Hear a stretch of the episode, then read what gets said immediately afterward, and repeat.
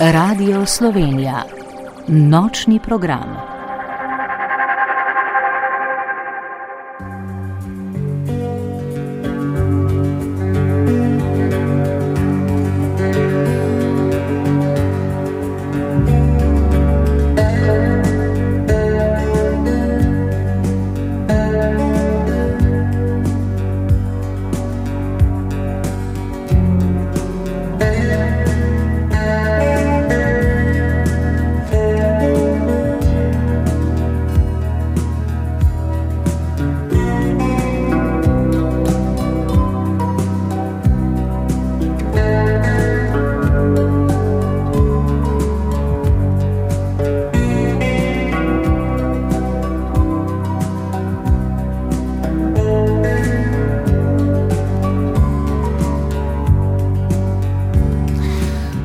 Spoštovani in cenjeni, dobro večer v radijskem metru nočnega programa nacionalnega radia. To noč se bomo pogovarjali o štirinožnih junakih in njihovih vodnikih, ki prostovoljno tvegajo svoje življenja v iskanju pogrešenih in ponesrečenih. Povoda za pogovor verjetno ni treba posebej predstavljati, spodobi pa se, da predstavimo nocojšnja gosta. Hermina Ogrič, predsednica Društva reševalnih psov Nova Gorica, dobro večer. Dobro večer in pa Mare Bručan, vodja šolanja in trener v šoli BMPC Pomočniki ter podpredsednik Komisije za reševanje pse pri Mednarodni kinološki zvezi. Dobro večer. Nočni program smo za vas pripravili tonski mojster Matej Žbitanc, urednica Jana Bajžal, glasbena urednica Aida Kurtovič in voditelj Jurek Kačokal. Ostanite z nami, se vrnemo po prvi skladbi. Hermina Ogrič in Mare Bručan, dober večer in dobrodošla še enkrat v radijskem metru nočnega programa nacionalnega radia. Še enkrat dobro večer. Še enkrat dobro večer. Začeli bomo nekoliko drugače, kot običajno začnemo, že skar z vprašanji. Bomo raje pogledali, kaj bi se zgodilo, če bi se zgodilo pri nas to, kar se je zgodilo pred nedavnim v Turčiji. Marko, vi ste se ravno kar vrnili od tam. Kaj bi se zgodilo, če bi prišlo do tako velike nesreče pri nas? Kako smo pripravljeni z vidika vodnikov reševalnih psov? Z vidika reševanja in pa z vidika vodnikov reševalnih psov sploh smo pripravljeni zelo dobro, z eno samo besedo. Kot vemo, so tudi naši reševalci iz različnih uh, vrst, od uh, gorskih reševalcev, vodnikov reševalnih psov, uh, gasilcev, zelo dobro pripravljeni. In jaz mislim, da če nas bi prizadela neka taka nesreča, kot je bil ta potres, da bi, bi recimo bili zelo dobro pripravljeni na to zadevo in bi uspešno reševali, seveda pa bi istočasno povabili tudi verjetno sosedne države, da bi nam pomagale, da bi tiste resurse, ki jih mi ne bi mogli pokriti, oni pokrili. To je kar običajna praksa, ne? da takrat, ko v neki državi pride do nesreče, potem sosednje države najprej priskočijo na pomoč. Ne? Ja, sistem je tak, da v sistemu civilne zaščite, mehanizma civilne zaščite ali pa pod Združenimi narodi, kjer potekajo ta, te dejavnosti, eh, država eh, najprej zaprosi za pomoč ob taki nesreči, potem se, eh, se ponudi pomoč držav, ki so pripravljene pomagati, potem pa država zbere, kjer ekipe bo sprejela na prizadeto območje glede na različne faktore, ki, ki so. Ne. Recimo, če bi prišlo do tako velike nesreče, kot je bila v Turčiji, kaj bi se zgodilo, kdo se bi nam priskočil na pomoč potem? Če bi bilo tako veliko, kar je bilo v Turčiji, bi bilo zelo problem za Slovenijo, ker je bila sam območje potresa 400-400 km. Tako da uh, ni bilo to rušilno, ampak samo območje potresa je bilo tako veliko. Rušilno je pa bilo na, na manjšem področju, kot je to, ampak še vsem dosti veliko, še vsem je bila to največja katastrofa na. Sploh naravna katastrofa, odkar od obstajajo naravne katastrofe. Zaenkrat je uh, priznano 50 tisoč ljudi mrtvih, po mojem lajčnem mnenju jih je saj še petkrat toliko minimalno uh, mrtvih, ampak se pač ni povedal to. No. Mislim, ne vem, niso še ugotovili kako karkoli. No. Recimo, če zdaj le malce špekulirajo, iz katerih držav bi najprej prišla pomoč k nam in kako so usposobljeni vodniki reševanja psa v sosednjih državah. Tudi v sosednjih državah imajo vodnike reševalnih psov zelo dobro usposobljene. Uh, imamo Hrvaško, imamo Avstrijo, Italijo, s katerimi, Mačarsko, s katerimi vsemi dobro sodelujemo. Uh, sigurno pa bi se šla, bi šlo. Uh, Bi šlo, bi šlo uh, povezovanje prek Evropskega mehanizma civilne zaščite, ki ga imamo. To pomeni, da bi verjetno iz sosednjih držav pomoč prišla relativno hitro. Ja, jaz mislim, da bi bilo to zelo hitro. Takoj, ko bi odobrili, bi v parih urah lahko bili tukaj. Vsaj te bližnje države. takrat, kadar pride do tako velike nesreče, verjetno tisti, ki živijo v državi, ki jo je prizadela nesreča, ne morejo takoj pomagati, morajo reševati sebe in pa svoje najbližje, kar pomeni, da bi bili odvisni od tuje pomoči, večinoma. Uh, Za vsako nesrečo je poseben načrt, za manjše nesreče, večje, srednjega obsega in pa večje nesreče. Zdaj, vedno se držimo tega načrta, kako rešujemo. Ne? Zdaj, če je večje, večja populacija, če je večje prizadeto območje, ne vem, da imaš, eh, seveda se aktivira pol ta prvi pri nas sosedne regije, ne? Eh, če to ni dovolj, pa pač sosed, tudi eh, sosednje države in tako naprej gre to. No? To pomeni, da bi v vsakem primeru pomoč bila hitra in verjetno tudi učinkovita.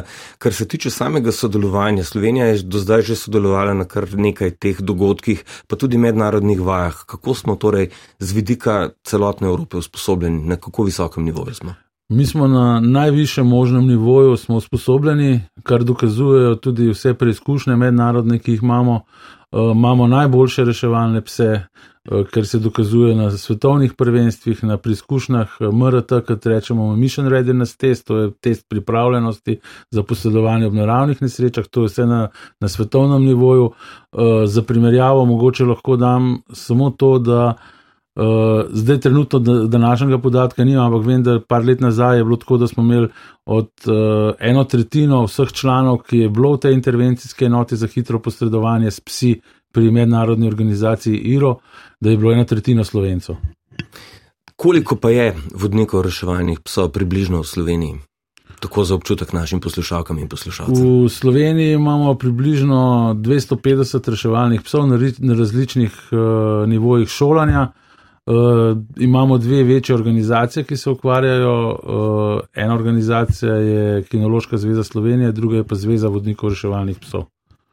In vsi ti štiri nožci, ki opravljajo svoje naloge, so usposobljeni tako, kot so njihovi kolegi iz drugih držav. Po mojem, tako ali pa boljš pomeni, da smo relativno varni tukaj v Sloveniji, če pride do najhujšega, upajmo, da ne bo, čeprav je pa že bilo, Slovenija je konec koncev na potresno relativno nevarnem območju. Ne? Ja, mi smo na potresno nevarnem območju, uh, Slovenija je, uh, Ljubljana je na potresno nevarnem območju, uh, večje območje, tudi primorske severne je na potresnem območju. Uh, tako da v bistvu za te stvari se stalno, se pravi, se stalno izobražujemo. Uh, vadimo, in pa kot je bila ta Turčija, zdaj na zadnje, smo tudi uh, se preizkusili, kako, kako uspešni smo, in pa če tudi to pokazali, da smo lahko zelo, zelo uspešni in v takih reševanjih. In v osnovi vsega pa je ves med človekom in živaljo, torej konkretno psom. Ne? Pa morda za začetek nekoliko drugačno vprašanje, kdo bolj vpliva na življenje koga? Vodnik na pasi življenja ali pes na življenje vodnika? Um, pogosto si vodniki želimo, da bi um, bolj vplivali na pasje življenje kot oni na naše, ampak uh, je ponavadi to, kar uh, pravzaprav preplet, uh, so vplivanje, so učinkovanje in uh, težko rečem, no, da ima pravzaprav eden ali drugi prednost, moraš kar sobivati na tak način, da uh, se oblikuješ tudi kot tim, ki uh, pri tem, kar moraš početi, čim boljše sodeluješ. Marko, pri vas podobno verjetno. Ja, mislim, to je tako ena kombinacija uh, načina življenja. No? Tako ne more biti psom, drugače. Ko si, ja, ko s psom treniraš, ko, ko v bistvu, ko si nabavaš psa, oziroma ko veš, da boš usposabljal za reševalnega psa, to, to rata način življenja, pa ne samo za tebe, pa za psa, ampak za celo družino. V bistvu vsi se prilagajajo, Mislim, se nekako uh, vrti vse okoli tega. Pol. Včasih se tudi cele družine ukvarjajo s tem, na končni fazi. No. No, verjetno se odločitev za tako delo ne rodi ravno čez noč. Ne? Kaj se je zgodilo vam, da ste se odločili za to dejavnost? Uh, meni se je zgodil zelo težaven pes, um, s katerim po osnovnem šolanju, uh, ne da pravzaprav nisem vedela, kaj početi, ampak mi je bilo precej jasno, da nekaj moram početi. Uh, ko sem pa potem preko tega osnovnega šolanja prišla k reševalcem, uh, se je zgodila pa pravzaprav tako ena velika ljubezen do tega početja. Uh, um, želja, da s svojim uh, delom v prostem času pravzaprav um, usporedno tudi nekaj dobrega narediš. Uh, je pa definitivno nezanemrljivo to, kar je rekel Marene, da reševalstvo pa uh, družba v teh krogih pravzaprav postane ta način življenja uh, in da se rodijo izjemna prijateljstva uh, z istim ciljem, uh, pravzaprav pomagati pa nekaj narediti. No. Skoraj moram vprašati, katere pasme pa je bil ta pas in ne pridi prav, ki vas je pognal te vode. Bel švicarski očar. Bel švicarski očar, Marko, pri vas pa je bil prvi pas, s katerim ja. ste se podali v te vode. Moj prvi pas je bil Hill, to je bil nemški očar, to je bil lak nemški očar. Kriv za to, pa da sem se jaz uh, začel s tem ukvarjati, v bistvu je bilo tako, meni so bili psi že skozi všeč, že odkar pomnim, odkar sem se praktično, ne vem, odkar se spomnim samega sebe. Poslije je pa leta 80 moj pokojni stric Božo Talan uh, nabavil psa uh, in s tem psom je pač začel tudi delati različne stvari. Takrat se je pač to oslovno šolanje šlo, predvsem pa obramba, pa sled. Uh, in jaz sem že praktično od tega leta 80 skozi visel z njim na vseh teh uh, pasih ceremonijah, kot mi pravimo na teh treningih in vse to. No in pol leta 86 se je se je 85, se je pač, uh, itak se me je usmilil, imel je svoje drugo leglo in pač mi je podaril enega nemškega očarja, tak je bil pol moj prvi pes, Hill, uh, in to je bil pač začetek te moje kinološke, kinološke karijere. Uh, v bistvu ta prvi je bilo to zelo, zelo tako kot uh, ho, zelo hobi. Ta prvi sem se ukvarjal tudi jaz s to športno kinologijo, potem sem pa od leta 91 naprej se pa posvetil reševanju. Uh, in od takrat naprej sem pač uh, pečen v tem poslu. Ja, kako radi rečemo, pečeni in pohani. Ne? Katere pasme pa imate zdaj, oziroma katere sta, pasme sta imela do zdaj, vredno se jih je že kar nekaj zvrstilo? Ne?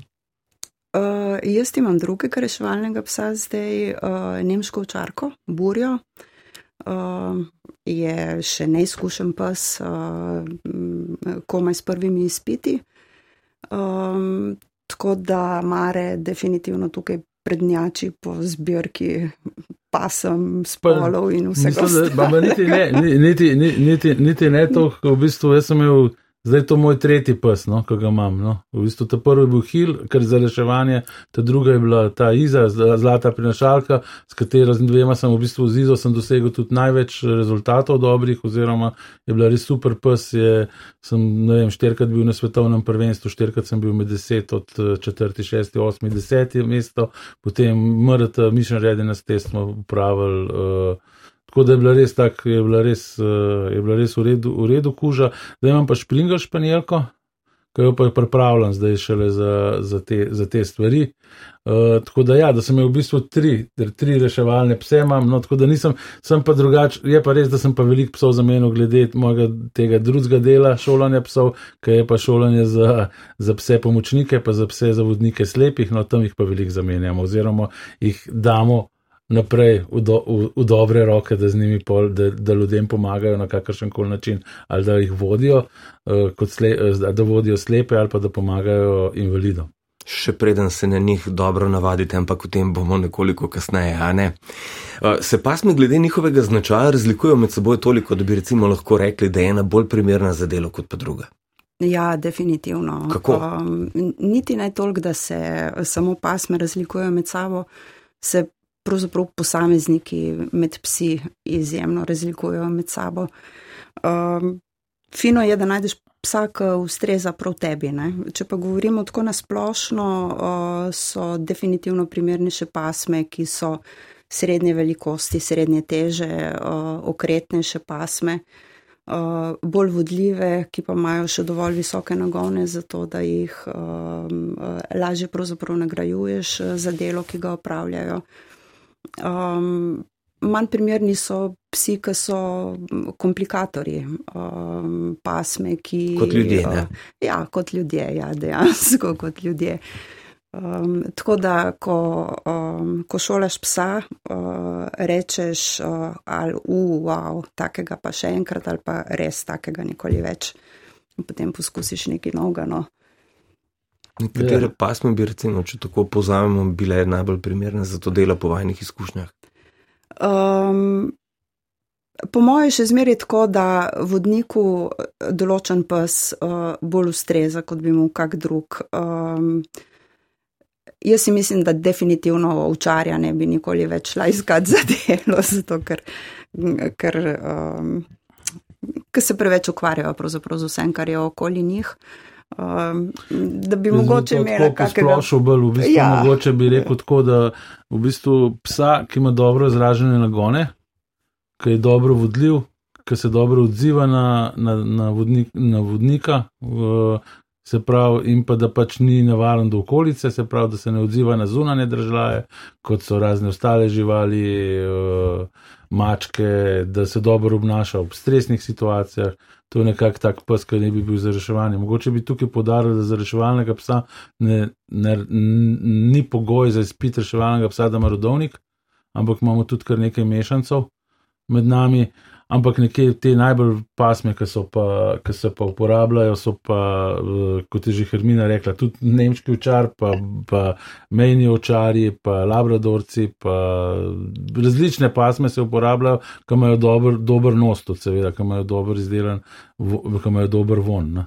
Zato veliko tudi lovske pasme uporabljamo. No. Mene včarje večina verjetno bolj pozna kot border collie, ne? Tako je. Ja, to je eno vprašanje, ki me je vedno zanimalo. Ne? Zakaj meni včarji, ker nekateri pa trdijo, da border collie izvirajo iz vasice border in da so zato border collie, ne? Kaj je zdaj bolj pravilno? Tega jaz ne bi vedela. Ja, no. je, border collie je namenjen za čuvanje ovc, ne? To je, in je pač, on je, njemu je to gensko tudi prirojeno, uh, da on on po naravi čuva, čuva ovce, zato tudi vidite včasih kakšnega border kolja, ki zamenja avto za ovco, pa za laufa za avtom, pa se pol ustav. Ampak to je samo mogoče kot zanimivost, ali pa za otrokom, pa se ustav pred njim, ali pa za kolesom, pa se ustav pred njim. Ampak ta pes je v osnovi narejen za to, da čuva ovce, da jih zganja, da, da večje črede zganja skupaj, da jih pripelje v določeno ogrado in tako naprej, da pač upravlja ta očarski posel. Seveda pa mi znamo izkoristiti tudi te nagone za naše potrebe, za iskanje in tako, ker je zelo vodljiv, zelo gibljiv, uh, tudi zelo. Eh, se pravi, poslušan. Tako da, če je, spet mora imeti te določene karakteristike, ki sem prej rekel, ne, da ga lahko mi uporabimo. Ampak potem pride do enega manjšega zapleta. Ne. Psička izberemo običajno, ko je še mladič. In ko izbiramo psa in si želimo postati, recimo, vodnik psa reševalca, kako pri mladiču potem vemo, da ta pa bo primeren, ta pa ne bo primeren. Je to sploh mogoče? Ja, Zdaj ste se gosta pogledali, vi tega ne vidite. Ne? ja, zdaj iščemo diplomatski odgovor, po moje. Uh, Um, je, po mojem, velika večina reševalcev nas je uh, začela delati uh, preprosto s prvim psom, ki ga nisi šel iskat uh, z namenom, da bo reševalni pes. Uh, in si s svojim inštruktorjem in pač s celim timom iz tega psa naredil v končni fazi reševalnega psa. Uh, Ko greš pa po drugega psa, si pa opremljen s celim kupom uh, izvrstnih nasvetov, super znanja in izkušenj. Uh, in definitivno uh, psa, kadar ga greš iskat za to početje, izbiraš znotraj tega, kar je, kar je prej Mare pojasnil. Uh, Eh, psa z določenimi nagoni, eh, z določenimi čisto fizičnimi karakteristikami, eh, bolj predvidljivimi drugimi lastnostmi. In večinoma je vse v redu, včasih ja, pa tudi ne. ne? Ja, jaz bi, jaz bi dal mogoče to, ne, da predvsem jaz tudi od naših reševalcev pričakujem, sicer ni vedno čistko, no, da grejo ta prvega psa, kot je Hermina rekla, pridejo, imajo kuška doma, pridejo v šolo in vejo, mi imamo tudi reševalce, jim to rata všeč, naredijo reševalce, ratajo oni reševalci, ker morajo tudi vodniki narediti določene izpite, jim to všeč, rata začnejo živeti tam naše reševalske življenje. Uh, Pričakujem pa, mogoče še, še včasih večkrat bi pričakoval, da grejo pa po drugega psa, ne? Da ga pa ne vzamejo na tak način, ampak da grejo, da se pozanimajo, kje pasme so v redu, kje pasmo hočeš imeti, kaj hočeš imeti v psa, kako hočeš, da se bo doma tudi obnašal in pa predvsem, da bo dober za delo. In pač imamo dobre delovne linije, vzrejne linije, ki so, ki veš, ker imaš mnogo boljšo predispozicijo, da boš dobil dobrega psa kot če ga vzameš nekje na pamet, ki je pa res sluškan kužek. In tukaj je zelo pomemben, da se gre, da smo zdaj tekom let dobili neke delovne linije, vzreje delovnih linij, teh uh, od labradorcev, border koljev, pač vseh teh psov, ne, tako da imamo zdaj kje pse vzetno. Za, za to vrsto dela jih lahko dobimo dobre pse. Uh, meni se zdi pa prav zanimivo to, kar pogosto delajo hrvatski, uh, hrvaški reševalci, uh, da zelo sistematično hodijo po pse za delo v zavetišče. Uh, tako da pri nas je bolj običajno to, kar je Mare rekel, ne, da kadar greš po drugega psa, greš uh, zelo načrtno iskat psa, s katerim boš točno določeno stvar uspešneje naredil, pa hitreje zaključil. Hrvatje so pa kar ustrajni pri tem, no, da jih uh, dosti jemlje pse iz zavetišča. Lepo, plemenito. In ko enkrat imamo psa in smo se odločili, da bomo z njim počeli nekaj tako plemenitega, potem se pa začne šolanje in po naslednji skladbi se lotimo prav vsega, kar prinaša naslednja skladba, pa je Bohemian Rhapsody in Queen po izbiri naših dveh gostov. 35 minut je čez polnoč, Hermina Ogrič in Mare Bručan pa sta moja gosta v nočnem programu nacionalnega radia, govorimo pa, kar ste verjetno že ugotovili, o delu vodnikov psov reševalcev. No, prej smo se ustavili ob vprašanju šolanja psov reševalcev, kje se za to dejavnost sploh lahko šolajo naši štiri nočci in seveda njihovi vodniki. Ne? V Sloveniji je pravzaprav vse reševalstvo s psi organizirano, kot je Mare rekel, v dveh nacionalnih zvezah. Eh, te pa imajo članice, ki so društva. Uh, tako da uh, vsak, ki se želi ukvarjati s tem, je pravzaprav zagotovo prvi kontakt, prva možnost, da se obrne na lokalna društva, ki jih je po celi Sloveniji pravzaprav kar nekaj in da preprosto začne s tem delom. Ne. Ni pa to uh, hobi, šahovski krožek ali pa uh, um, kakšna popodanska hec aktivnost, ampak je, um, je to pravzaprav nekaj, kar zahteva eno veliko predanost, zelo veliko časa, uh, ustrajnost, uh, je pravzaprav početje uh, na dolge proge za celo pasje življenje. Pa ne samo v pasji šoli, ne? potem je treba delati še doma, kolikor vem. Ne?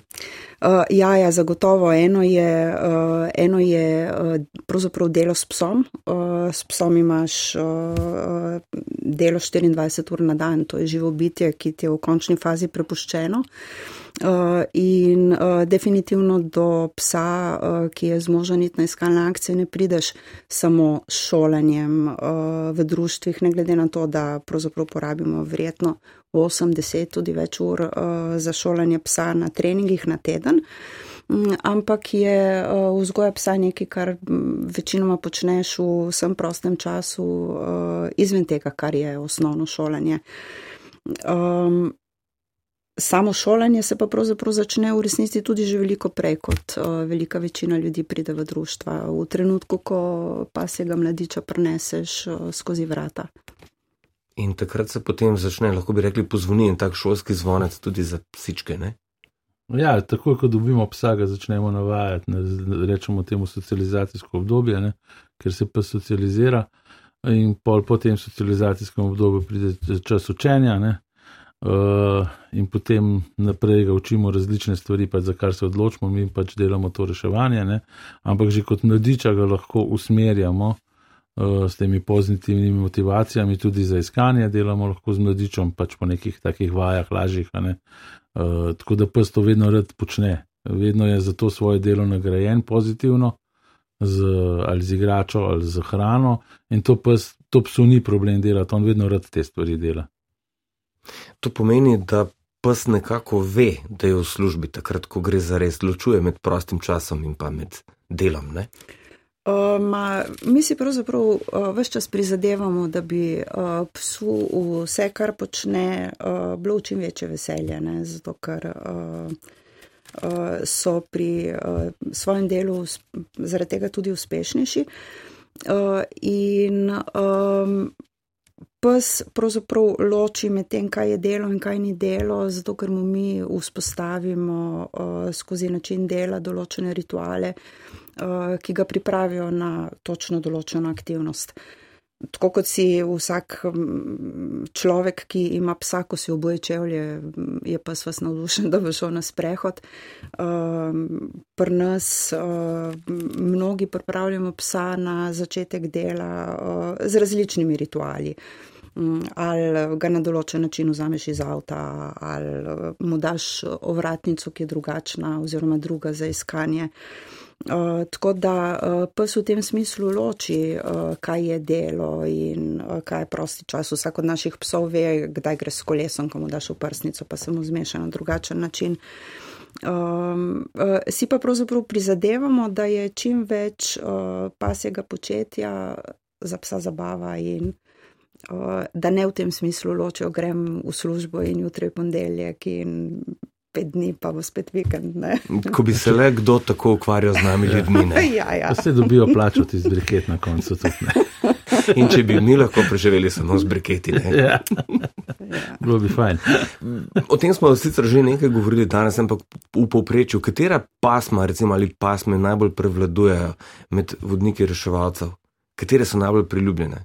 Ne bom rekel najbolj primeren. Mislim, da zdaj še vedno nekje prevladujejo, kot sem že prej rekel, zdaj imamo te delovne labradorci, da so se pojavili tudi pri nas te delovne linije labradorci, ki so malo lažjega tipa, potem imamo nemške očarje, belgijske očarje, border kolje, Uh, in pa mešance, no, kot sem že rekel, tudi ne, s temi pravilnimi karakteristikami za nas, ki, ki, ki jih potrebujemo. Torej smo rešili glede vprašanja psa, zdaj pa rešimo to isto vprašanje še za ljudi. Kakšen pa mora biti človek, ki se ukvarja s to dejavnostjo? Verjetno tudi čisto vsak ni primeren. Um, definitivno predan človek, uh, angažiran, um, pripravljen pomagati, um, zauzet, definitivno mora rad med pse, um, biti v naravi. Uh, velika večina naših treningov je zunaj, um, to je pomemben, pozitiven vidik tega, kar počnemo. Um, fajn je, če je toliko fizično pripravljen, da um, v končni fazi, ko je pa spravljen, je zmožen iti na iskalne akcije um, nekaj zaporednih dni za vas dan. Um, zdaj, samo usposabljanje vodnika ne, je pa uh, pravzaprav tudi um, kar dolgo pa zahtevno. Uh, ni samo vprašanje, uh, kakšen naj bo vodnik, ne, ampak tudi, uh, kaj vse v končni fazi mora znati, da je zmožen uh, to svoje delo v končni fazi opraviti, kadar se ga potrebuje. To pomeni, da tudi mora biti nek določen profil človeka, da se lahko s tem ukvarja ravno nekdo, ki ni socializiran. Recimo, če se zdaj ja. opasjam, žargono pogovarjamo, ja, ni mora biti, tudi, mora biti ta vodnik mora biti psihično stabilen, pač ta bo šel te prave akcije, če bo prišel do teh končnih faz šolanja s psom, ne, bo šel tudi kasneje v, v, v reševalne akcije. Največ reševalnih, reševalnih akcij, ki jih imamo v Sloveniji, so uh, iskanje pogrešanih oseb, teh je čez 50 na leto, če, prav, če si prav razdelimo, je to skoraj vsak teden ena. Uh, in ko, prideš, ko pridejo te ljudje v stik uh, z takimi resničnimi akcijami, kjer se srečujemo večinoma z mrtvimi ljudmi, ko jih najdemo, večinoma, uh, pač morajo biti na to tudi pripravljeni. Se pravi, morajo biti tudi vodniki psihično stabilni, morajo biti uh, timsko, morajo biti usmerjeni za delo, uh, uh, morajo imeti radi živali, naravo, kot je že Hermina rekla prej, ne, da, pač, da, da se tudi uh, veliko časa preživimo v naravi in med treningom in med akcijami. Uh, tako da, ja, nekako tak profil ne bi bil ljudi, no, da, da je pač tudi pripravljen pomagati. No, in da, da predvsem to timsko delo je važno, da je pripravljen pomagati, pa da je psihično stabilen, pa fizično sposoben to delati. No. No, ko smo ravno pri teh kritičnih situacijah, pri mrtvih ljudeh, to je pač neizogibno. Ne? Menda, to sem prebral, da se psi drugače odzovejo, ko najdejo človeka, ki je živ ali ko je mrtev. To drži ali ne?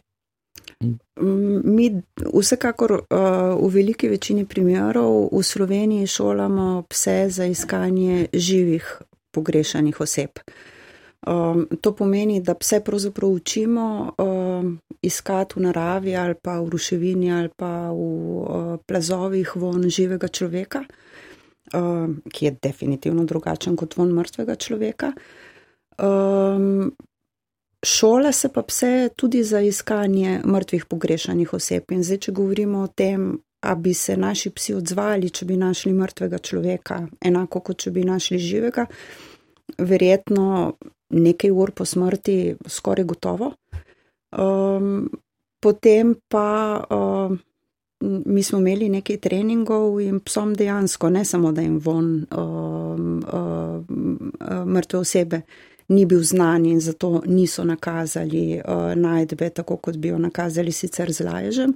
Ampak so se, ja, so se dejansko celo umikali in je bilo neprijetno. Ja, je, je taka reakcija psa, na, ko, zavoha, ko zavoha von po mrtvem, po, po truplu. Če ne pozna tega vonja, se pes na nek način odzove uh, drugače ne, ali to z vedenjem pokaže, ali se omakne malo stran, kot imamo jaz izkušnje, ali se zraven upravi malo potrebo, tudi se je dogajalo velikrat. Uh, uh, pač nakaže z nekim vedenjem, kakšni se prav ustrašijo tega vonja, tudi psi se ga pol navadijo, ne, če, ga, če ga že hočeš to učiti, ne. ampak uh, različne reakcije so. No. Je pa dejstvo, pa vse te zadevi, da se uči uh, za žive iskati, pa za mrtve iskati, sta, imamo ponovati različne pse. No. Uh, eni iščejo samo žive, drugi pa samo kadavre, kot pravimo temu. Ne? In pač uh, tisti, ki so navajeni ta von, po, po, tukaj iščejo von po živem, po živem človeku, tam pa von po kadavru. Ne? In pač to so raz, načeloma, imamo različne pse, imamo tudi, je tudi. Možnost je tudi imeti za obe, dve, za obe dve stvari istega psa, ampak so to zelo psi, ki so zelo redki. Sploh mi z mačarsko to ekipo, ki sodelujemo veliko zdaj, iščemo, imamo tudi pse za kadavre iskati, ne, posebej.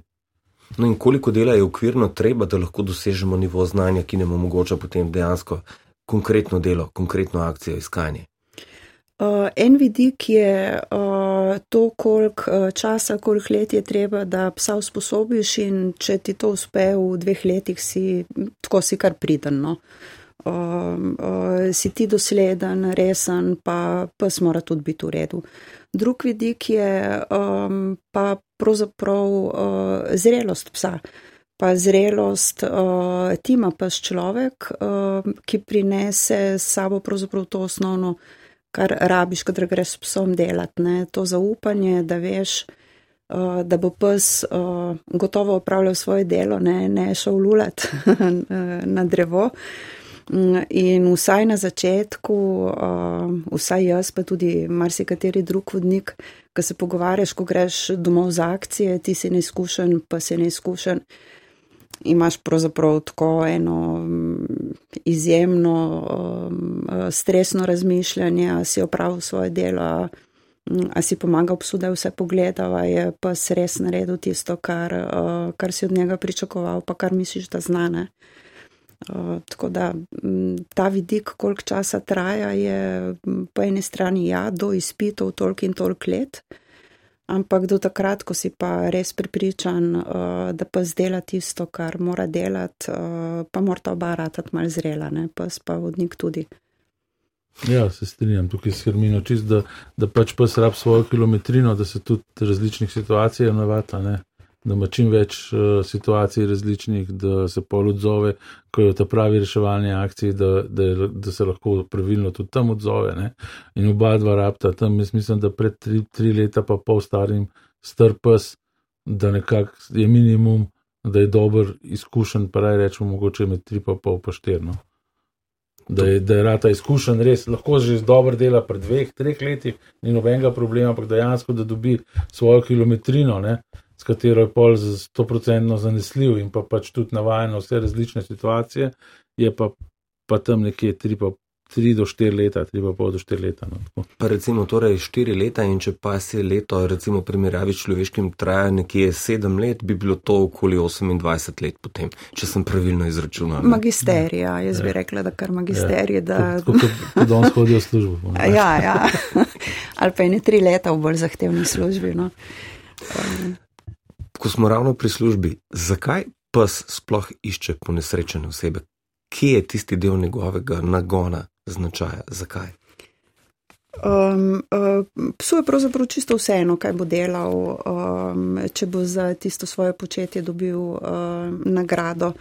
Uh, tako da mi uh, psa v samem procesu šolanja uh, naučimo na povezavo med uh, uh, tem, da v naravi ali pa v nekem drugem okolju identificira uh, von človeka uh, in ga poskuša uh, uh, dejansko uh, locirati na tak način, da čim bolj verjetno za tisto dobi nagrado, ki uh, jo pričakuje. Mm, zdaj, ne vem, če je to odgovor na to, zakaj pes to dela, ampak mogoče oportuno. Po, po, poenostavimo, pa, pa rečemo, ne vem, v naravi pač pes uh, volk lovi zajca, ne, uh, in ga ujame in se nagradi s tem, ga poje, pač ne, to je nagon po prehranjevanju. Ne, in v bistvu tukaj pri nas je isti zelo podoben sistem. Ne, uh, Sam da pri nas zamenja tega zajca igrača ali pa na koncu hrana, ne pol. Ne. Se pravi, igrača je ta zajec, ki beži, ki se pa si igra pol tudi z njim. In pa ga ujame, ubije, in tako naprej, ne? to igračo. Uh, in pač tukaj je kot neka uh, tukaj na, na, ta zadovoljen ta nagon po plenu, potem imamo še tukaj v bistvu tudi uh, nagon pripadnosti kardela, izkoriščamo pri iskanju, da je pač pripaden svojemu kardelu. Ne? In te nagone potem povežemo in pridemo do nekega rezultata, kjer prinese pač, uh, prinese, uh, pač do tega, da psa naučimo uh, iskati vom po človeku. No? Ampak... Tam, tam išče vom po zajcu, tukaj pa išče vom po človeku, pa to mehem preuredimo in pač je to tono. Torej, lahko na nek način zaključimo, ne, da niti psi ne počnejo vsega tega za ston. Ne? Sploh nič ne počnejo za ston je tega, kar, kar počnejo za ston za nas, je silno, silno za ston, malo. Za ston, za ston nas edino opazujejo, kako nas bojo okol prenesli. Ja, evo, ja. In tudi na tem področju so kar strokovnjaki. Ja, ja, zelo. 24 ur na dan imajo čas za razmišljati um, o tem. in dejansko potem držine, da vsak pas natančno preštudira svojega lastnika in točno ve, kaj mora narediti, da doseže določeno določen efekt. Ja, definitivno se mi to, to tudi uporabljamo. Ne? Ehm, pravzaprav si želimo, da nam pes, eh, da pes skozi socializacijo in šolanje usvoji čim več eh, veden, ki nam pravzaprav ugajajo. Ne? In ker nam ugajajo, jih nagradimo in se ne. Ja. zapre ta paket. Oni nas dejansko opazujejo. Za primer, recimo, če greš s psom na, na sprehod, Pa že samo, če ti po telefonu mhm. govoriš, mm. on ve, da ti po telefonu govoriš in takrat nimaš časa se z njim ukvarjati in on izkorišča za svoje dejanja v tistem, tistem momentu, da počne tisto, kar ponavadi ne smeno. Recimo. Ker ve, da, boš, da ne boš odreagiral tako, kot bi mogel. Kako fizično naporno pa je usposabljanje šolanja takega psa za vodnika? Um, jaz ne bi izpostavljala fizične napornosti, um, ne za vodnika, ne za psa skozi samo šolanje. Uh, je pa definitivno takrat, kadar, um, kadar si pa pozvan na akcijo, je pa pač fizično naporno kot katerakoli druga celodnevna ali pa večkrat celodnevna uh, hoja. Um, zdaj, akcije so sigurno um, uh, bolj stresne kot uh, navaden sprehod, tako za psa kot za vodnika. Um, prej je Mare rekel, ne, um, je izpostavil um, nekaj let uh, do zrelosti psa, ne, pa um, do tega, da pes pridobi izkušnje. Sigurno, kadar uh, prve nekajkrat uh, pes pride na iskalno akcijo in je tam 50 popolnoma neznanih psov. Ne je tako zelo veliko vprašanje, um, kaj se bo zgodilo, ko boš ti naredil klik na vratnici, pa bo vš, uh, vse šlo po svoje, ne, ali pa bo vse ok. Morajo biti na vse te situacije, ja. na vse te situacije navajeni, no, pač, oziroma mm. pač tudi prilagajamo situacije, damo vse, ki so bolj primerni skupaj v eno skupino, druge v drugo, ker tam se razdelimo na sami iskalni akciji, več skupin, ne. tudi vemo, kdo s kom je kompatibilen, bolj, tako da ne imamo tam problemov, no, tako da to se nekako se, se lahko razporedi te stvari. No. Um, jaz bi vsekakor izpostavila časovno napornost uh, treningov. Uh, je, uh, vsaj pri nas imamo enkrat na teden uh, poslušnost, uh, ki je praktično obvezna. Uh, in terja nekaj ur, ne dela s psom, ampak tega, da si pravzaprav v društvu, da narediš tudi kako uh, drugo potrebno stvar, bodi si za sočlane, eh, bodi si za samo društvo. in vsaj enkrat na teden uh, trening iskanja. Uh, Pričemer um, ti treningi vzamejo včasih uh, tudi celo soboto. Um, sploh pa, kadar uh, treniramo na ruševinah, ki jih v Sloveniji ni, ker si veliko krat rezerviraš cel vikend. Uh, mi enkrat na mesec odhajamo na uh, ruševinske treninge uh, drugam. Um, tako da bolj kot fizično napornostno um, bi izpostavljeno. Veliko časa, velik časa ti to pobere, ja. tudi zato, ker je veliko psov na treningu. Mislim, ni veliko tam, ne vem, če tudi če je 7-8 psov na treningu, to lahko traja, ne vem, 4-5-6 ur popovdne, da, da spravaš cel trening skozi. In je časovno, časovno je res, pa logistično je, mm. je problematično to. No. Je pa tudi, si, sigurno moraš biti tudi fizično pripravljen, ne vem, da prideš, kaj jaz vem, v pol ure na Šmarno goro in neka taka, ne vem, po mojem minimumno, da se ukvarjaš s tem pa ure za Šmarno goro, odvisno po kateri poti verjetno. Ja, pa se so vse približene in čez peske in ta naravnost je tam temno. S koliko stroški pa je povezano to početje, koliko recimo stane, da se s tem ukvarjamo? Mm, Veliko, ja, mislim, relativno dosti. Ja. Mi smo prosto, večinoma prostovoljci, ne? v Sloveniji um, delne stroške imamo pokrite iz. Uh, iz strani uprave za zaščito in reševanje, oziroma uh, nekaj teh stroškov, večinoma pa uporabimo tudi dosti sredstev za, za, za svojih lastnih sredstev za šolanje tazga psa, od nabave psa, hrana, cepljenja, to vse pripada nam. Uh, Zaenkrat, vsaj pri nas, po kinološki zvezi, tega ne dobivamo nazaj povrnenega. Uh, potem veliko krat tudi te treningi v društvih, ki jih imamo, uh, ki jih imamo, moramo tudi uh, plačujemo in benzin sami in čas dajemo sami. Uh, kar pa imamo skupno organizirano, no, pa moram povedati, da pa že neke te skupne vaje, ne, tiste se pa pokrijo te minimalni stroški, kot so benzin, hrana, hrana, spanje. Uh, saj za tiste, ki so razporejeni v, že razporejeni v enote. Ali je pes reševalec ob njegovem prostem času lahko tudi čisto navaden pes? Ja, velika večina, po moje, nas uh, ima pse za, um, za družinske člane. Um, ni veliko reševalcev, ki bi dejansko funkcionirali v smislu, uh, pes v boksu, eno uro na dan greš ven, delaš in greš nazaj noter. Um, Prvo nas v društvu no, imamo vsi uh, pse v hiši, v stanovanjih. Uh, Večinoma so to člani, ja. naši psi so družinski člani, člani, družinski ja. člani in pa živijo z nami. Uh, Vedo tudi, kaj je prosti čas in kaj je biti del družine, torej, če sklenemo ja. tole prvo uro. Velja, torej še ena skladba nas ločuje do prve ure zjutraj, imenuje se The Walls of the World, zapelajo bo Katie Milua po vajnem izboru, v sosednem studiu pa Bilja na polag že pripravlja poročila, ki bodo na vrsti takoj za njo. Mi pa se slišimo nekaj sekund kasneje. Zajadrali smo v drugo uro današnjega ponedeljka z mano sta Hermina Ogrič in Mare Bručan in še zmeraj poslušate nočni program nacionalnega radia. Tema današnjega pogovora so vodnice in vodniki psov, reševalcev in še vedno smo pri šolanju, kako so sploh videti vaje vodnikov psov, reševalcev, kaj delate, kako je to videti. Uh, vaje so sestavljene iz, uh, vaje so sestavljene, imamo vaje poslušnosti in premagovanja ovir, pa vaje iskanja. Eh, potem se deli program na, mi delamo večinoma na tri različne, uh, tri različne uh, sklope.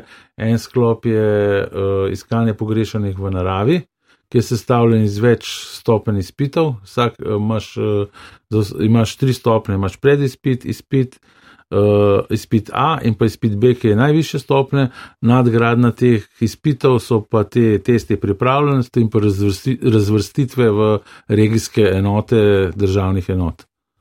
Uh, samo šolanje poteka v društvih, kot je že Hermina povedala. Te treningi potekajo enkrat do dvakrat na teden, med tednom, plus potem še različne skupne vaje preko vikendov. Uh, tako da to je nekako ta ta globalno, no, kako potekajo ti treningi. Sliši se, da je treba za kaj takega veliko koncentracije strani tako vodnika, kot tudi psa, ampak koliko časa pa pes lahko ostane skoncentriran na tako zahtevno nalogo? Zdaj, v bistvu, pes je, recimo, med treningom, mi lahko, če ponavljamo s temi pozitivnimi motivacijami, lahko to večkrat ponovimo. Zdaj, če bi časovno omejil, je različno, različno od psa, tudi ne vem. En, se pravi, en trening s šestimi, sedmimi psi, iskanja traja lahko tam 4 ure, recimo 4-5 ur, celo popovdne v bistvu. No. Prav tako poslušnost, eh, če imaš tam 5-6 psov, je to hitro par ur okrog, da se z vsakim vse naredi, da si pomagajo en drugemu in tako naprej. Če pa sprašujete o tem, koliko časa pravzaprav lahko kuža dela, glede, glede na starost pa pripravljenost, zagotovo mladiček na začetku sploh ni skoncentriran na nič drugega kot pač na hrano ali pa oziroma nagrado, ki mu jo ponudiš. Uh, in se uh, pravzaprav koncentracija uh, na delo šele ustvarja skozi proces učenja. Zdaj, iskanje je pa pravzaprav specifično početje, kjer pes, kot je Mare že prej rekel, um, uporablja voh za to, da opravi nalogo.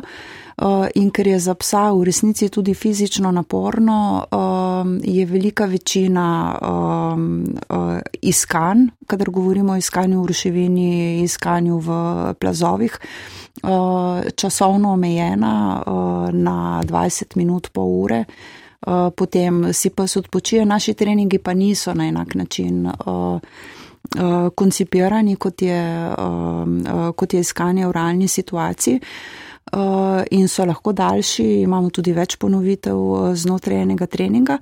Uh, same iskalne akcije pa pravzaprav od psa terjajo nekoliko manjšo intenzivnost dela v veliko ča, daljšem časovnem obdobju, tako kot smo že prej rekli, včasih tudi v zdan. In psi takrat točno vedo, da gre za delo, da to zdaj ni igra, ampak delo, potem pa sledi igra. Uh, to, je, to je pravzaprav cilj celega procesa šolanja, ja, da uh, pes takrat, ko od njega uh, zahtevaš delo, uh, tudi razume, da od njega zahtevaš točno določeno početje, ki ga opravi in zanj pričakuje nagrado. In ta nagrada je potem lahko tudi igra, ste prej omenili, ne? Kakšna igra? Kakšna igra potem sledi, ko pes nekaj dobro opravi? Taka, kot je psu všeč, pravzaprav ne. Je, ja, lahko se uh, zelo individualno. Da, psom, ja. lahko, da se igra žogico, da, da mu meče žogico, da se cuka žogico. Različne stvari lahko s hrano nagradiš, no, kot smo tudi prej rekli, ni nujno, da samo igra, ampak pač različne igre, kot kar psu paše. No. Tako, predvsem, da se prilagodi, da je psu prijetno ob tem, ko naredi neko dobro dejanje. No.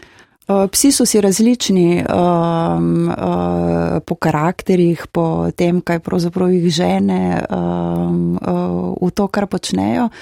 Uh, in imamo pse, ki uh, pravzaprav uh, z uh, markerjem, s pogrešano osebo, uh, razen da mu vrže nagrado, ne želijo imeti kakega bolj intenzivnega opravka. Maš pa vsak je pravzaprav zadovoljen že s tem, ko ga zelo lepo pohvališ, pa mal pobožaš, pa tebi čist na žruzga noče. Ne? Tako da se, eh, se pri nagradi pravzaprav uh, nujno prilagajati temu, kaj je za psa nagrada. Um, ne to, kaj mi mislimo, da je. Um, dobro. To pomeni, če bomo po žrešnemu psu ponujali, ponujali igro, ne bo efekta. Ne? Verjetno ne. Mislim, ja, bistveno manjši. Ja, no, imate ja. to nagona plena, kot po žrešnosti. Eh, prej ste že, smo že malce opisali, kako psi ločujejo delo od igre, ne? to pomeni z raznimi rituali, povratnicami. Slišal sem recimo za te delovne pse, kot so policijski, da pa vedo po gospodarju, pomeni po lastniku, ko se oblečejo določene obleke, ali ko se sam začne drugače obnašati, da pa sve, da je takrat, zdaj gre pa za res. Ne? Pri vas verjetno to podobno, isto ne? je enako pri nas. Ja. To, je, to je enako pri nas, ko ti se začneš oblačati, ko vzameš torbo, ko vzameš na hrbtnik, točno pa zve da greš na trening, se to že prej Hermina omenila tudi. Ja. Da pač, ko ti določeno robo vzameš, ki jo potrebuješ za trening, ali je to rudzak, določeni čevlji, pač pa že ve, da boš šel na trening in se veseli tega. Ponovati. Jaz, ko grem zjutraj v službo, je pri meni doma pogreb, grejo vsako svoj kot spati in gledajo na uro, kdaj je pet in šele takrat se zbudijo. Tako da ja, definitivno psi so uh, bitja nekih vzorcev. Ritualov. Ja. No in potem se zgodi tisti trenutek, ko pes novo pečeni reševalec pride v realno situacijo. Skoraj si ne znam predstavljati, kaj pomeni priti na povsem podrto področje, ker ljudje iz vseh koncev in krajev kličijo na pomoč, računajo na to, da bomo nekaj rešili in to je stresna situacija, kakršnih je verjetno zelo malo v življenju. Ne? Kako se odzovejo psi, ko prvič pridejo v tako situacijo in kako vodniki, ko prvič pridejo v tako situacijo? Moramo povedati, da na tako, recimo, prizadeto območje, kot je bilo v Turčiji, recimo, kot si zdaj opisal, je v bistvu so poslani najboljši, najbolj izkušeni psi in najbolj izkušeni vodniki vedno. Tako da so to vodniki, ki imajo že vsaj v naših primerih in v slovenski ekipi in pri mađarski ekipi, s katero sem bil jaz tam pomočnik vodje, pa smo poslali vse najboljše time, ki jih imamo. Olstar. Ja, in so vsi, vsi, ki so bili tudi v slovenski ekipi, se ukvarjajo s psi, saj že 15 let so v teh enotah, imajo različne izkušnje. Čeprav samih, pot, samih izkušenj s potresov nimamo toliko velik, ne, uh, samih uh, iskalnih akcij na potresu, rekel misij, uh, imamo pa zelo veliko usposabljanj za to, uh, ker so simulacije teh vaj in ker se zelo dobro pripravimo lahko na te stvari. Uh, in potem to znanje prenesemo v, na področje, na področje uh, kjer je na prizadeto pod, področje. Je pa, ko recimo ta zadeva, ki si jo zdaj opisal, je. Uh, V bistvu, ko prideš na to prizadeto območje, kot je bilo v Hataju, tukaj v, v Turčiji, kjer smo bili zdaj, kjer smo reševali v začetku meseca, je, to so nepredstavljive veličine potresa, ki je bil uničujoč, Zgradbe so bile totalno uničene, totalno zrušene, celo mesto, veliko kot Ljubljana, je bilo, tle, ker smo mi iskali, je bilo celo mesto porušeno, porušeno, praktično nobena hiša ni bila cela. Mogoče smo dve, tri hiše videli, ki so bile cele, ostalo je bilo vse porušeno, bilo je veliko število mrtvih, veliko število živih. Uh, uh, vse, vse, vse, za vse te uh, predznake, ki so se zgodili tukaj, ne, bi dal kot enormno. No.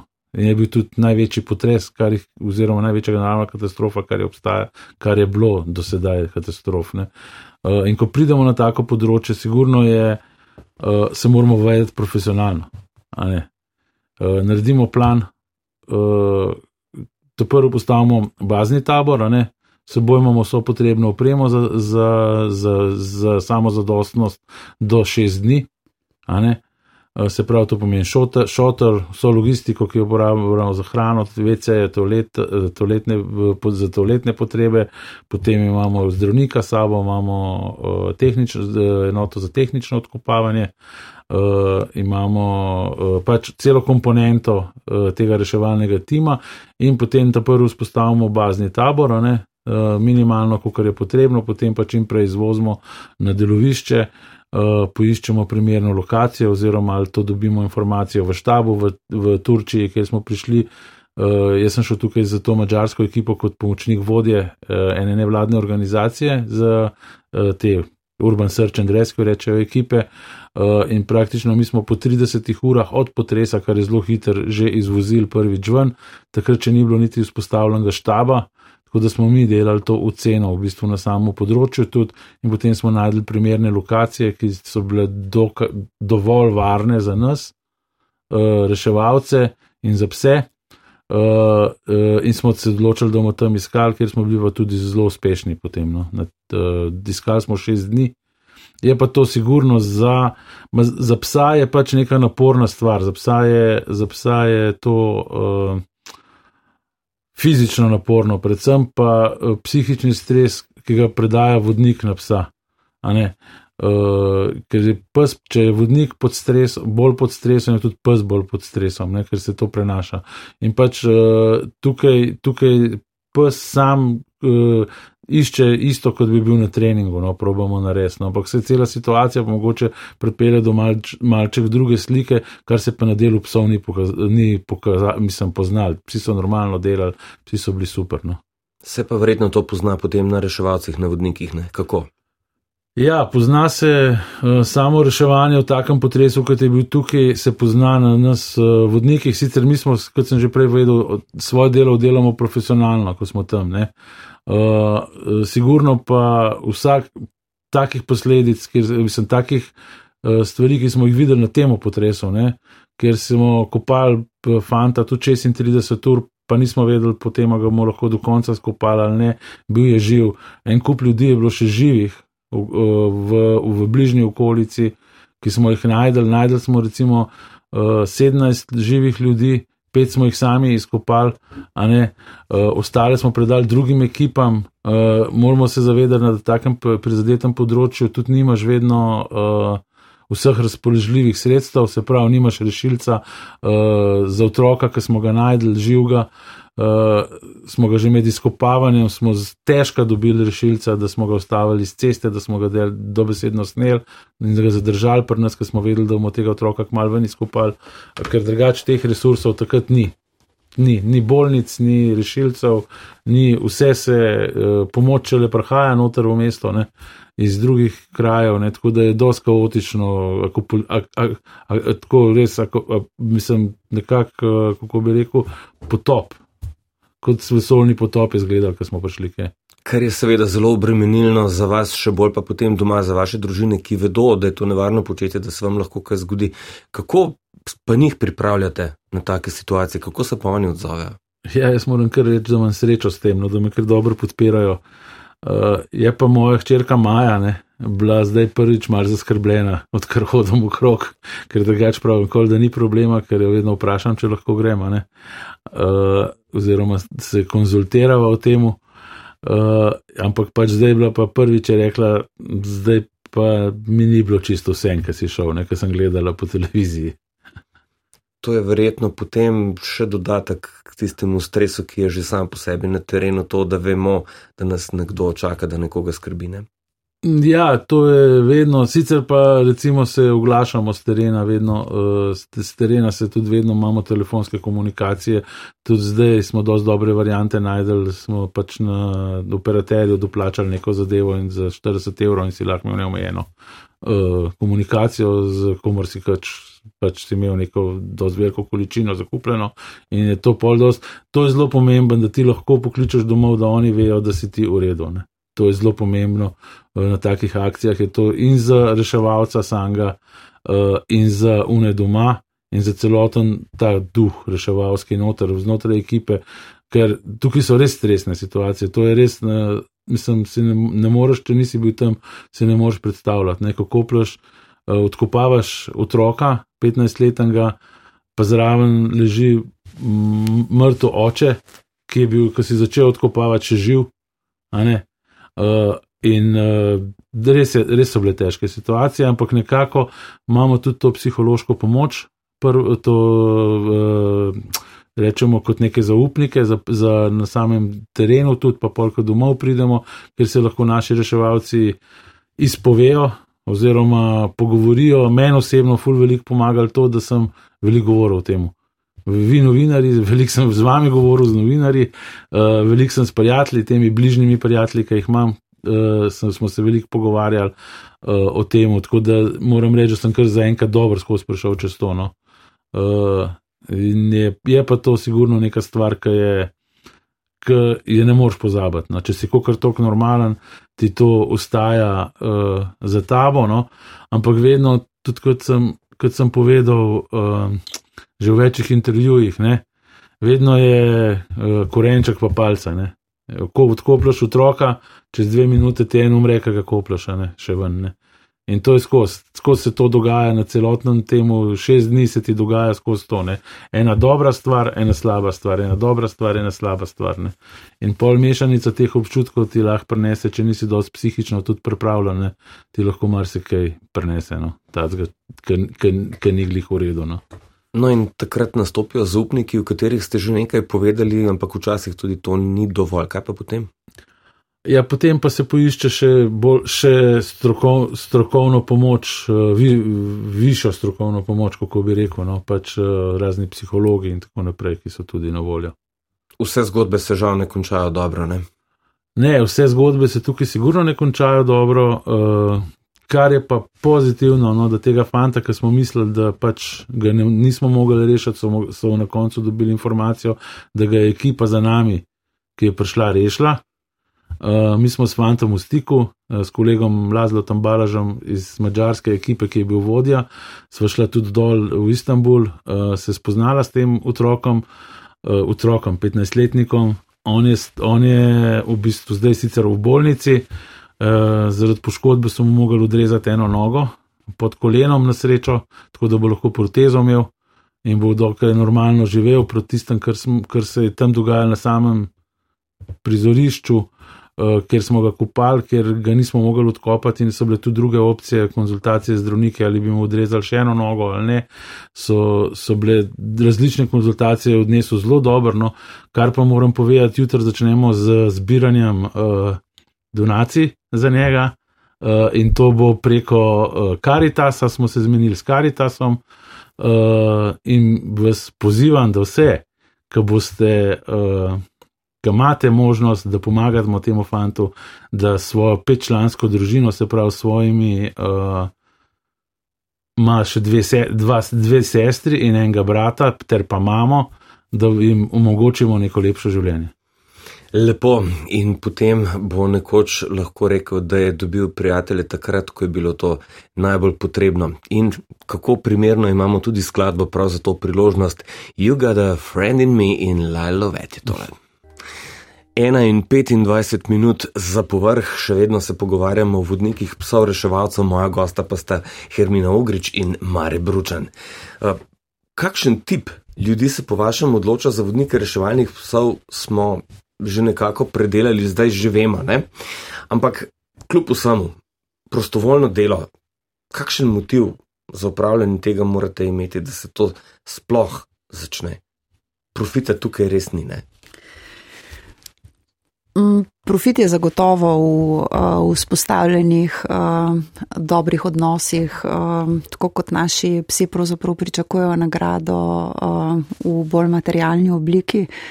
Uh, je za nas sigurno nagrada um, odnos, ki ga vzpostavimo uh, z ljudmi, ki so skupaj z nami v društvu, uh, na katere se lahko zanesemo. Uh, definitivno pa vsi to počnemo zato, Um, da imamo priliko uh, res uh, nekomu pomagati, uh, tudi rešiti življenje.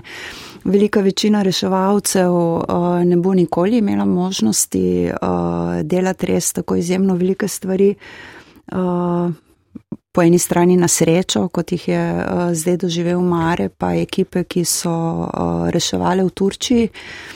Um, ampak uh, mnogi med nami se pa v končni fazi vseeno srečajo s situacijo, uh, kjer pravzaprav zaradi svojega mnogoletnega uh, dela, prizadevanja, uh, zagnanosti, na vse zadnje vendarle pravzaprav res rešijo človeško življenje.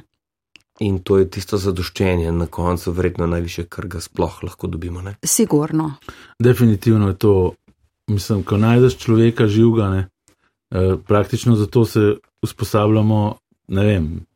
Sem si, zato, zato sem se usposabljal, recimo, ker sem šel zdaj v Turčijo, ne vem, 30 let približen. Ne. In pač nikoli ne veš, ali boš prišel do tega rezultata ali ne. ne. Vedno delaš, delaš, delaš, delaš in pač, če se ti vse poklopi, prideš tudi do tega rezultata. No. In ko potegneš otroka živega iz ruševine, pa zraven še mamo, pa na drugi ruševini očeta, pa sina, oba te dva otroka sta bila oba dva en let pa pol stara, uh, po mojem, ni.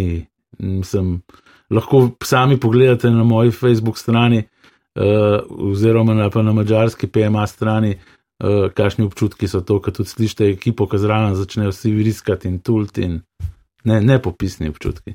In taki dogodki potem nekako zasenčijo tudi tiste, ki se končajo bolj tragično. Ne? seveda zasenčijo in vse čas, ki si ga porabil za to, in tiste tudi, ki so bolj tragično končajo, pač tiste probamo čim prej pozabiti, čeprav tudi včasih težko, teh se pa probavamo, te lepih se pa probavamo čim dalj časa spomniti. Ko se en pes poslovi in ga zamenja, drugi mora spet skozi vso učno pot skupaj z vodnikom, je potem vedno lažje ali vedno težje?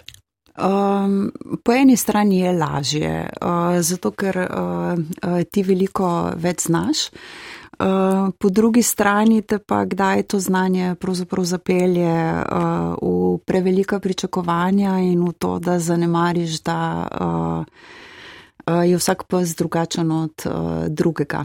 Uh, tako da, uh, ja, je lažje sistem poznaš, uh, tudi manj uh, časa moraš investirati v uh, nadgradnjo svojega lastnega znanja. Uh, ampak uh, še zmeri procesa, proki dosti, uh, ne moreš prihiteti, verjetno se lahko izogneš marsikateri napaki. Uh, Um, ni pa noben proces šolanja uh, psa, vsaj uh, kar sem jaz do zdaj videla, pa ne sem izkusila pri svojih psih. Um, čistko premočrtanje, um, precej, precej, precej, precej divji uh, v smislu, da že misliš, da gre vse super, um, pa gre potem nekaj. Um, Predvsej na robe, pa si spet za pol leta nazaj. Um, tako da so, um, so šolanja psov pravzaprav res kot uh, individualni programi šolanja.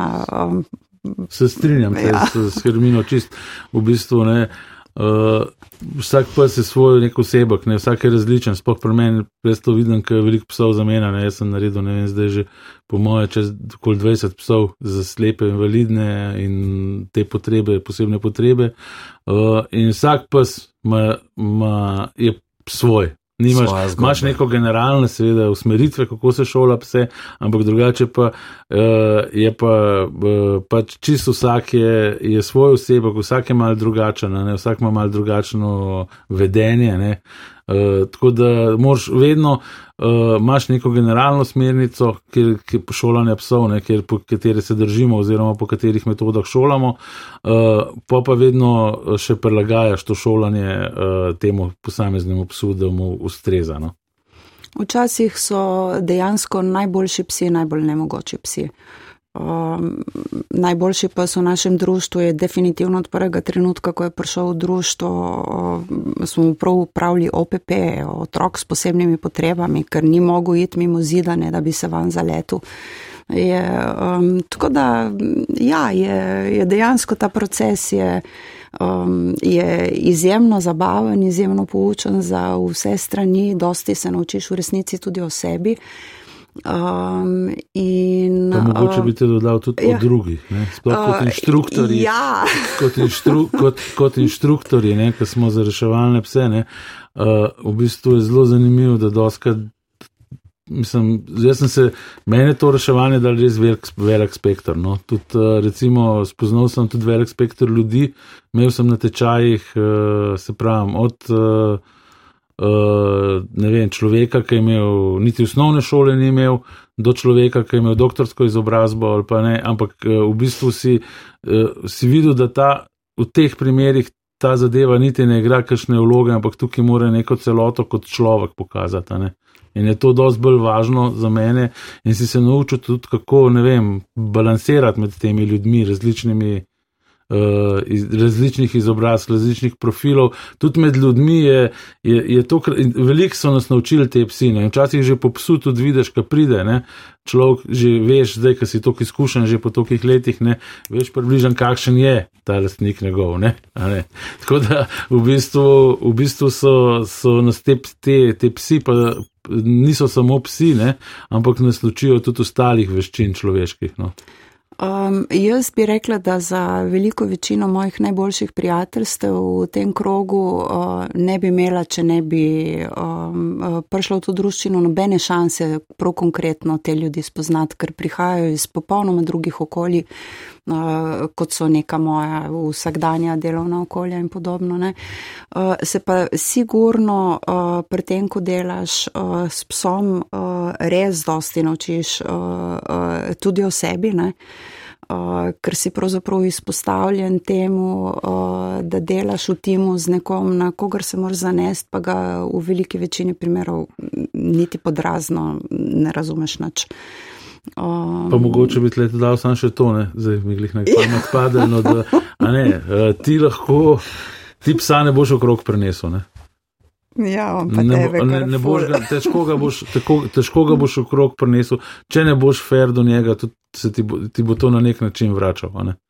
Uh, pač, kako se bo pač iz, izšlo, ampak uh, uh, recimo fair odnos, uh, fair šolanje in tako naprej, uh, pozitivno, pozitivno a ne, tudi z umejitvami, tudi to ni problem, ampak uh, se pravi, da je fe, v prvi stvari je fair odnos, kar je pa tudi v življenju zelo pomembno, saj za mene, no, uh, ker v današnjem svetu vidim, če dalje več grdih stvari, ki se dogajajo, ne, in se mi zdi, da ta pristen, fair odnos manjka in tukaj pri psih ga lahko še vedno vzpostavljamo na dost lahek način, ker si ena na ena in pa če si ti fair, je tudi on fair. Ne?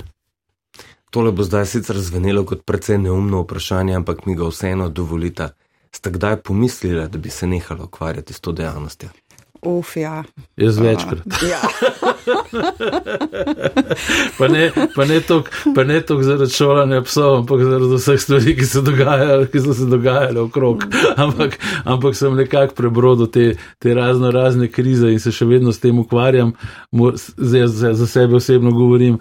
Uh, ta Turčija, ki smo jo zdaj šli, mi je dala še dodatnega elana. Uh, kljub temu, da tudi ni bila lahka, tudi z, ostali, z, z vidika ostalih stvari, ampak uh, bila je super misija, bila je, je bila super uh, zadeva, ki smo jo dobro izpeljali, najdli smo veliko živih ljudi, izkopali smo veliko živih, med njimi otroke in to je povrnjeno vse. Edin, kar sem se zdaj odločil, da bom bolj intenzivno začel delati če svojim psom, ki ga bom vključil lahko ekipo, ki ga nisem imel na temu, na temu zadnjemu reševanju sabo, ker sem bil kot določen kot pomočnik vodje in takrat nimaš časa za svojega psa, ampak sigurno mi je dal to, tudi za to motivacijo, da bom da bom spet se vrnil tudi s psom v te enote, no, da bomo imeli pol še enega psa več lahko.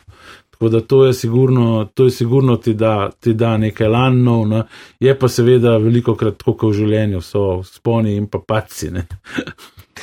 Definitivno je uh, pri meni veliko redke faktor razmišljanja, da bi to nehala delati uh, pes kot uh, so ljudje, pa čudesa, ki se kdaj zgodijo um, okoljina. Kaj pravite, kaj bi vam povedali vajni štiri nožci, če bi lahko govorili? Zdaj ste se spet pogledali, ja, ne vem, ne vidite, jaz pa lahko.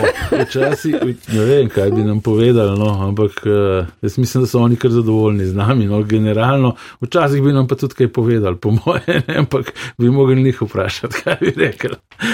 Ne, psi so, naši psi so načeloma zadovoljni, so družinski psi, so delovni psi, kadar delajo in so družinski psi ko so, ko, so, ko so z nami, z družinami. Oni živijo z našimi otroki, recimo naša Maja, uh, moja hčerka Maja, ki je stara 11 let. Uh, v bistvu ima zelo dober občutek tudi za pse, in pač od ona se z njimi ukvarja, ona tudi njih ven pele, in tako naprej. In tem psom je res, res fajn, sploh, kadar so z našimi otroki tudi, ne, uh, ali pa z nami, no, jim je res to tak sproščujoč uh, odnos. To je pač normalen družinski pes, ki ima še funkcijo, potem, uh, poleg tega, da je družinski, je tudi reševalen pes ne? in ga takrat, kadar je potrebno, uporabimo, glede na to, da je tako šolan ne, v reševalni akciji. Drugače pa to družinski psi. Mogoče bi izkoristil priliko uh, z neko raziskavo iz Dunajske veterinarske univerze, ki sem jo. Uh, Prijel ne toliko časa nazaj, ko smo nekaj sodelovali skupaj za pse, predvsem za pse vodnike, pa pomočnike. Psi vodnik, navadni psi, oni so naredili raziskavo navadnih psov, nisem navadnih, bomo rekli hišnih psov, pa teh delovnih psov, za, ki so za slepe eh, in pomočnike, in uh, so te psi, ki so za pomočnike in pa za slepe, uh, te psi vodiči, so pod manjšim stresom kot domači psi. To je zanima, to je tudi mene, zato ker smo imeli stalne debate o tem, koliko so psi bogi, ki vodijo, pa koliko je to, to, ne vem, mučenje in ne vem kaj, še vse. Uh, zdaj so znanstveno so dokazali, da, da, da, da pač dejansko te psi uh, živijo zelo lepo življenje, ne? imajo sicer del službe, ki jo, morajo, ki jo delajo, ne? ampak generalno so te psi bili pod manjšim stresom kot psi doma, ki so zaprti cel dan v nekih boksih in tako naprej. Hermina Ogrič in Mare Bručan, hvala za obisk v studiu nočnega programa nacionalnega radia in hvala za vse tisto, kar ste in kar še boste skupaj z vašimi psi naredili za lepši in za bolj varen svet. Hvala. Hvala, Jure, tudi tebi za vabilo. Z veseljem, hvala pa tudi vam, poslušalke in poslušalci, da ste poslušali nočni program nacionalnega radia v prvih dveh urah. Še veliko lepega imamo za vas, zato ostanite na naših frekvencah. Lahko noč.